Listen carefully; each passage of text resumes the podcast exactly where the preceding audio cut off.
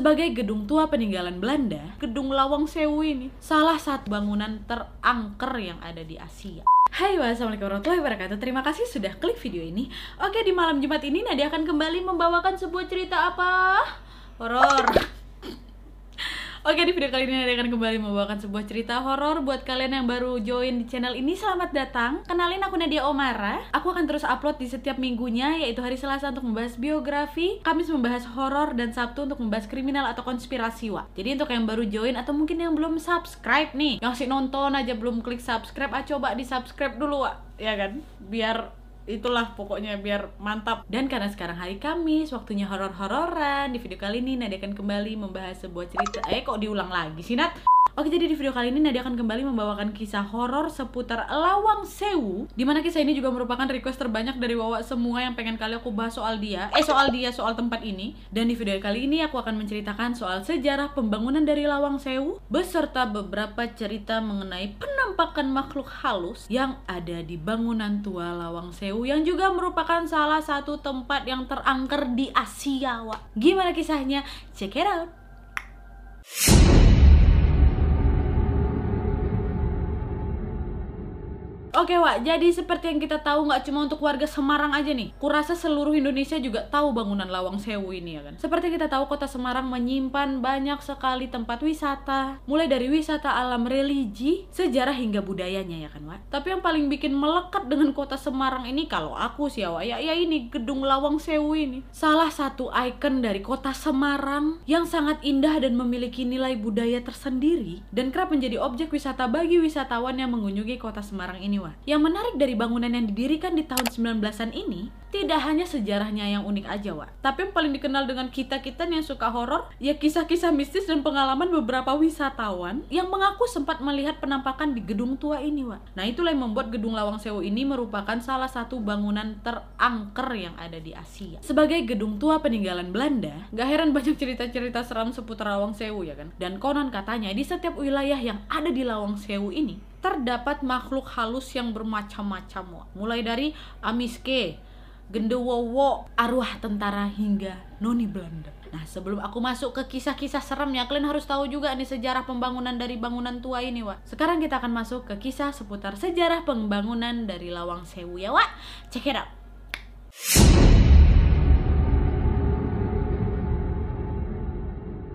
Oke Wak, jadi Lawang Sewu ini merupakan gedung bersejarah milik PT Kereta Api Indonesia yang awalnya digunakan sebagai kantor pusat perusahaan kereta api swasta Netherlands Indisch Spoorweg Maatschappij. Ya, NISM. Lawang Sewu ini dibangun di masa pemerintahan Belanda, mulai dari 27 Februari 1904 sampai 1 Juli 1907. Bangunan ini didirikan di lahan seluas 14.216 meter persegi untuk kantor pusat perusahaan kereta api NISM tadi, dan merupakan bukti awal sejarah perkembangan perkereta apian di Indonesia. Gedung Lawang Sewu ini dibangun secara bertahap, Wak. Bangunan utama dimulai di tanggal 27 Februari 1904 tadi, dan barulah selesai di Juli 1907. Sedangkan bangunan tambahannya itu didirikan di tahun 1916 sampai 1918. Bangunan ini dirancang oleh Profesor Jacob F. Klimkemer dan B.J. Undek.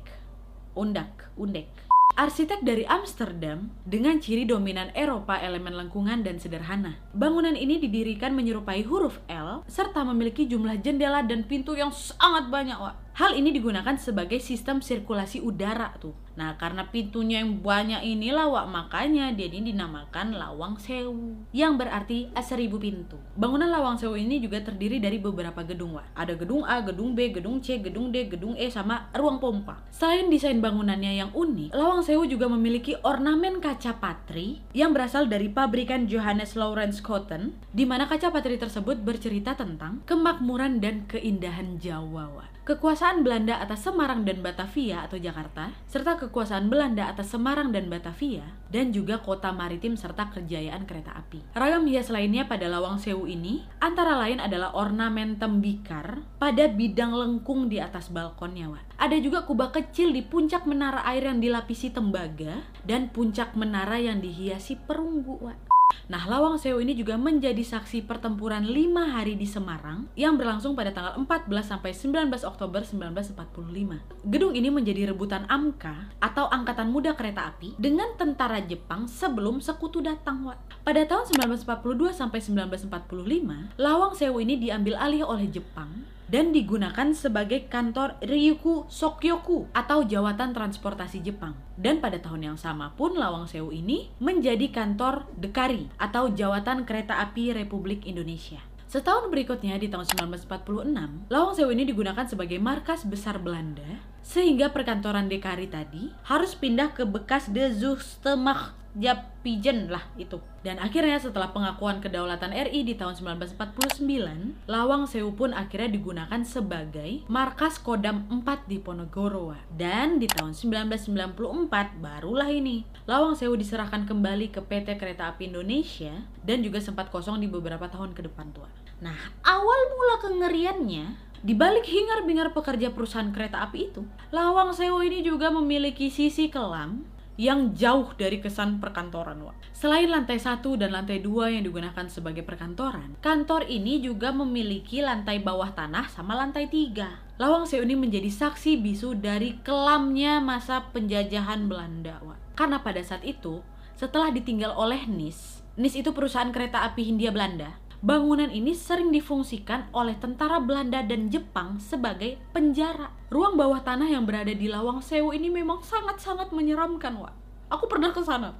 Nanti enggak usah cerita aku. Ini cerita ini aja dulu ya. Diawali dari tangga turun yang melingkar dari besi cor, kita akan langsung dihadapkan sejumlah ruangan yang ada di ruang bawah tanah itu. Berdasarkan cerita yang beredar, Wak, ruang bawah tanah inilah yang menjadi tempat eksekusi massal terhadap para tahanan ketika Jepang kalah di Perang Dunia Kedua. Beberapa ruangan yang ada di ruang bawah tanah itu akhirnya disulap menjadi ruang tahanan yang sangat-sangat menyiksa, Wak. Dengar nama penjara atau ruang tahanannya udah serem kan? Dan dari beberapa ruang-ruang tahanan itu juga ada namanya nih, Wak. Serem nih, nih ya. Apa-apa aja. Ada penjara jongkok, penjara berdiri, dan ruang penyiksaan. Nah ini nih beberapa fungsi-fungsi dari ruangan itu.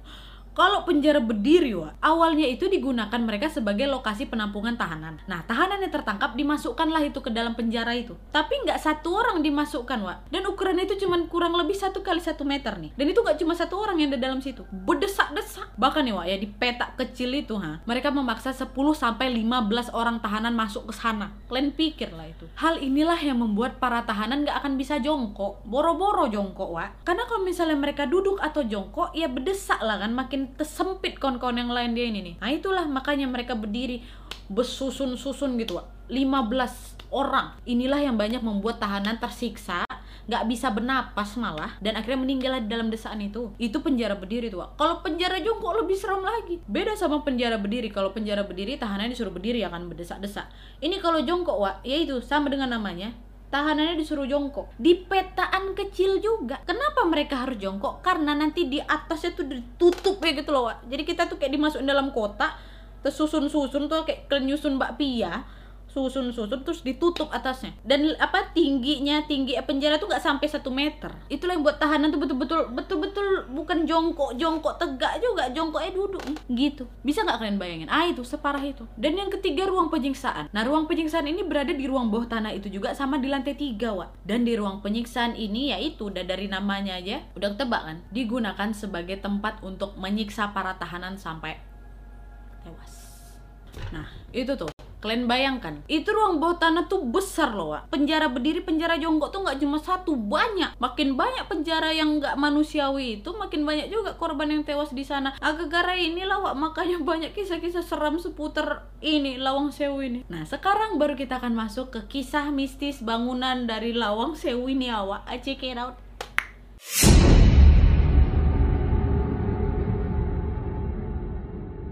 Nah, jadi Wak, gedung ini tuh memang sempat kosong tahun 1994 sampai tahun 2006. Waktu itu mungkin warga di luar Semarang nggak begitu tahu nih keangkeran dari Lawang Sewu. Tapi popularitas dari keseramannya Lawang Sewu ini merebak setelah ada acara uji nyali uji nyali itu. Aku ingat kali tuh waktu kecil dunia lain tuh Wak. Zaman zaman dunia lain ingat gak kalian nah gara-gara acara ini yang membuat popularitas dari keseramannya Lawang Sewu itu merebak se Indonesia karena Wak di acara dunia lain itu ada satu peserta yang sedang beruji nyali di sana. Dia itu duduk lah Wak di salah satu lorong yang ada di ruang bawah tanah itu ya kan? Terus nggak lama setelah peserta itu duduk di situ kamera langsung merekam ada sosok wanita yang berdiri di samping dia. Eh di samping ada sosok wanita yang berdiri di pintu samping si peserta itu samar-samar keluar terus ada suaranya lagi wah cewek rambutnya panjang, bajunya putih. Aku ingat kali tuh, waktu itu aku sempat nonton soalnya. Dan itu betul-betul jelas, Wak. Dan itu belum masa-masa settingan. Dulu belum ada, aku lupa eh tahun berapa ya. Aku SD apa SMP tuh. Beberapa detik gitu, Wak, dia muncul sangat gitu.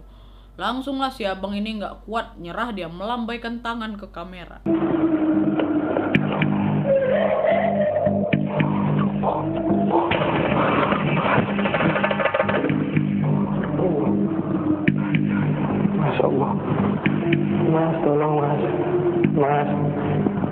Dan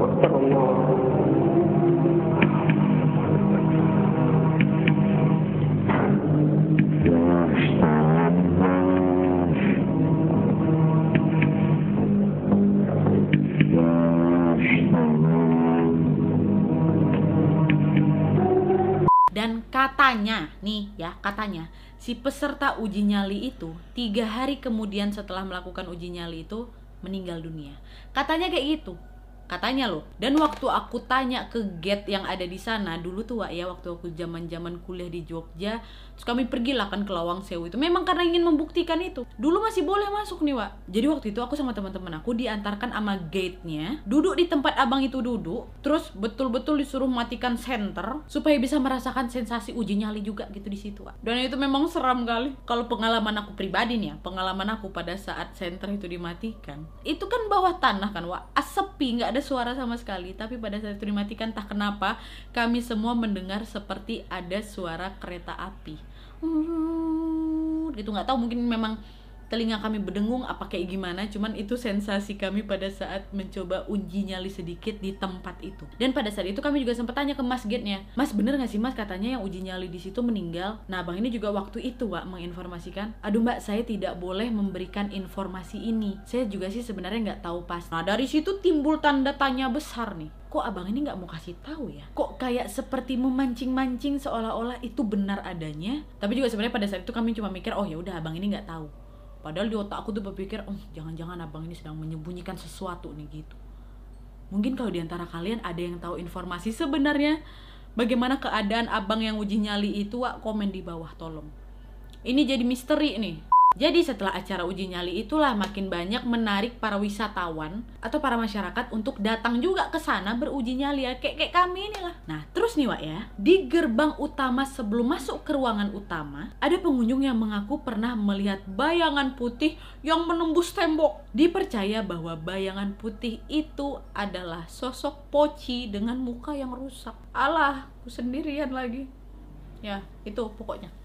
Nah, terus ada juga kesaksian lainnya dari seorang pengunjung yang mengaku pada saat dia masuk ke dalam Lawang Sewu, tepatnya di gedung A, pengunjung itu langsung berada di ruang utama tuh, karena memang gedung A itu adalah gedung utama. Dan pengunjung ini mengaku melihat penampakan tangan hitam yang sangat-sangat besar menutupi jendela. Dan penampakan tangan hitam ini tidak hanya dilihat oleh satu pengunjung aja, tapi banyak pengunjung yang mengaku melihat penampakan tangan hitam di jendela itu kok tiba-tiba merinding aku ya nah terus ada juga Wak di bagian sudut langit-langit ruang utama itu pernah ada cerita seseorang yang tidak sengaja menyenter ke arah sana dan melihat sosok yang sama seperti yang dilihat pengunjung pertama tadi yaitu bayangan putih menembus tembok Wak. dan bayangan putih itu tidak hanya sekali dia lihat tapi berkali-kali seolah-olah sedang mengelilingi dia dan di ruang utama itu sebenarnya banyak pintu-pintu yang terkunci Wak. dan pintunya itu terbuat dari besi dan baja karena nggak bisa dibuka banyaklah itu pengunjung yang berpikir ah ini jangan-jangan ada apa-apa nih di dalamnya. Mungkin ada harta karun ataupun emas-emas peninggalan Belanda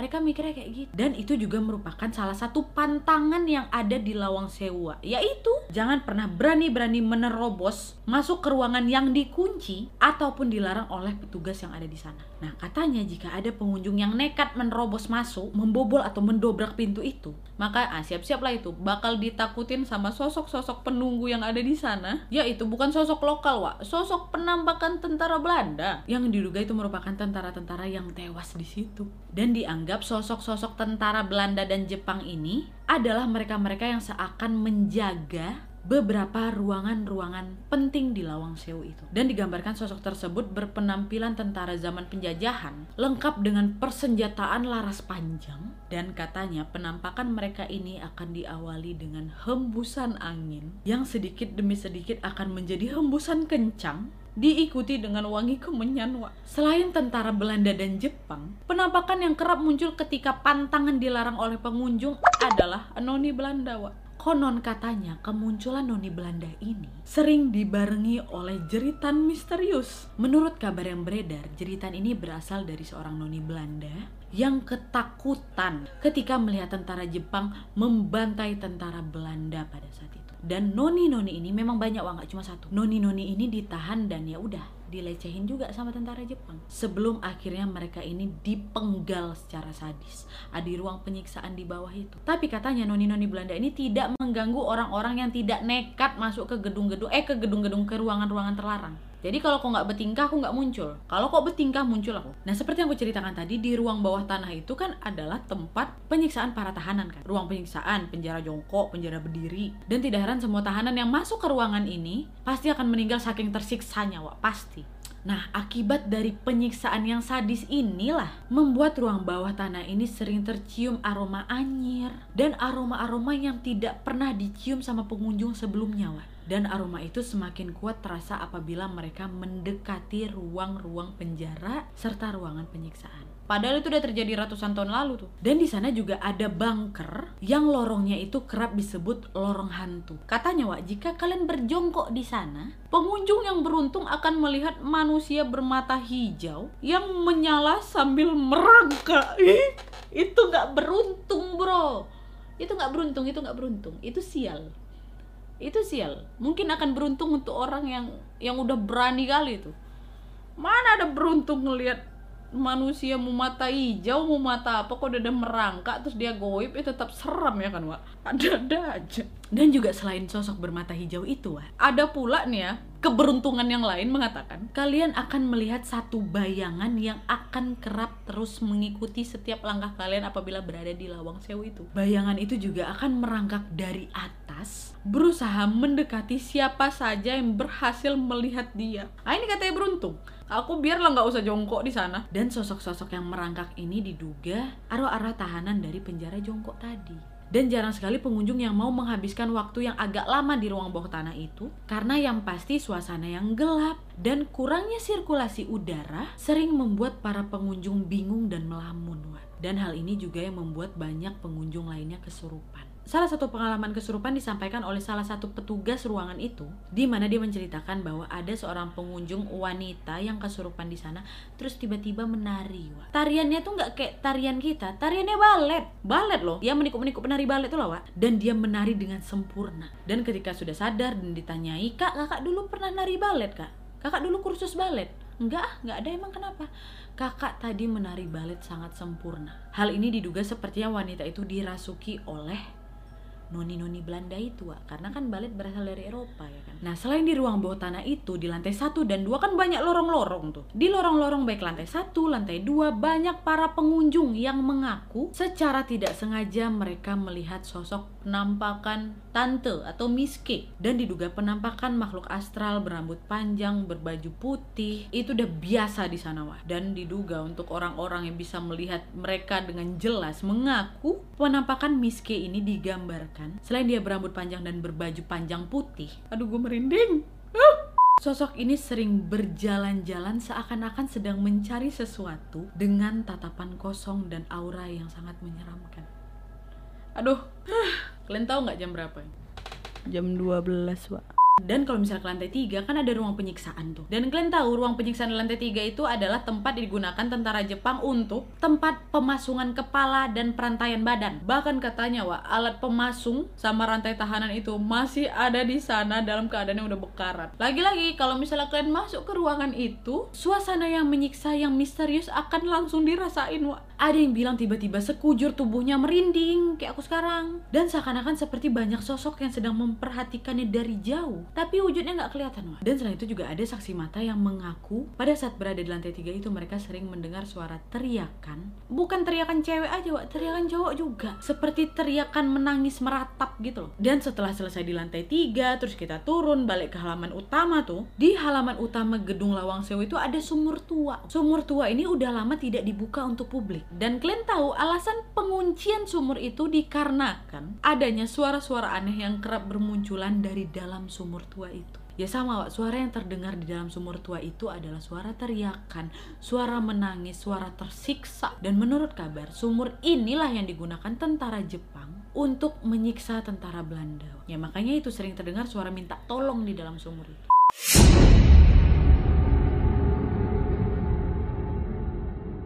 Nah, gimana keadaan Lawang Sewu sekarang, Wak? Lawang Sewu yang dulunya sudah tidak terawat, kumuh, sudah mulai direnovasi dan dipelihara sejak tahun 2009. Seiring waktu, penampilan Lawang Sewu pun semakin bagus, semakin menakjubkan, dan akhirnya diresmikan menjadi objek wisata kota Semarang. Lawang Sewu bisa dikunjungi mulai dari jam 7 pagi sampai jam 9 malam dan tiket yang dikenakan untuk orang dewasa sebesar Rp10.000 sementara untuk anak-anak Rp5.000 dan pengunjung juga bisa menyewa pemandu dengan membayar Rp70.000 per satu jam dan pemandu ini akan menemani dan menjelaskan sejarah Lawang Sewu kepada kalian. Halaman Lawang Sewu juga semakin indah berkat penerangan lampu-lampu serta perbaikan taman yang menjadi daya tarik wisatawan apabila berkunjung ke sana, Wak. Dengan penerangan ini, pemandangan saat mengunjungi Lawang Sewu udah nggak suram lagi, Wak. Bahkan pemandangan Lawang Sewu ini selalu direkomendasikan untuk pengalaman-pengalaman baru yang lebih berkesan dan cocok juga untuk menjadi spot-spot foto tuh. Para pemandu juga tersedia di malam hari dan dilatih agar selalu memberikan rasa aman kepada pengunjung dan dilarang untuk membahas topik sensitif seputar cerita mistisnya Lawang Sewu. Nah, kalau untuk mengunjungi ruang bawah tanah itu udah nggak bisa, Wak. Udah ditutup sejak tahun 2014. Beruntung aku masih bisa ngunjungin kemarin. Karena sudah tidak lagi dibuka untuk umum sekarang, Wak. Dan saat ini pun Gedung Lawang Sewu ini digunakan sebagai museum yang menyajikan berbagai koleksi dari masa ke masa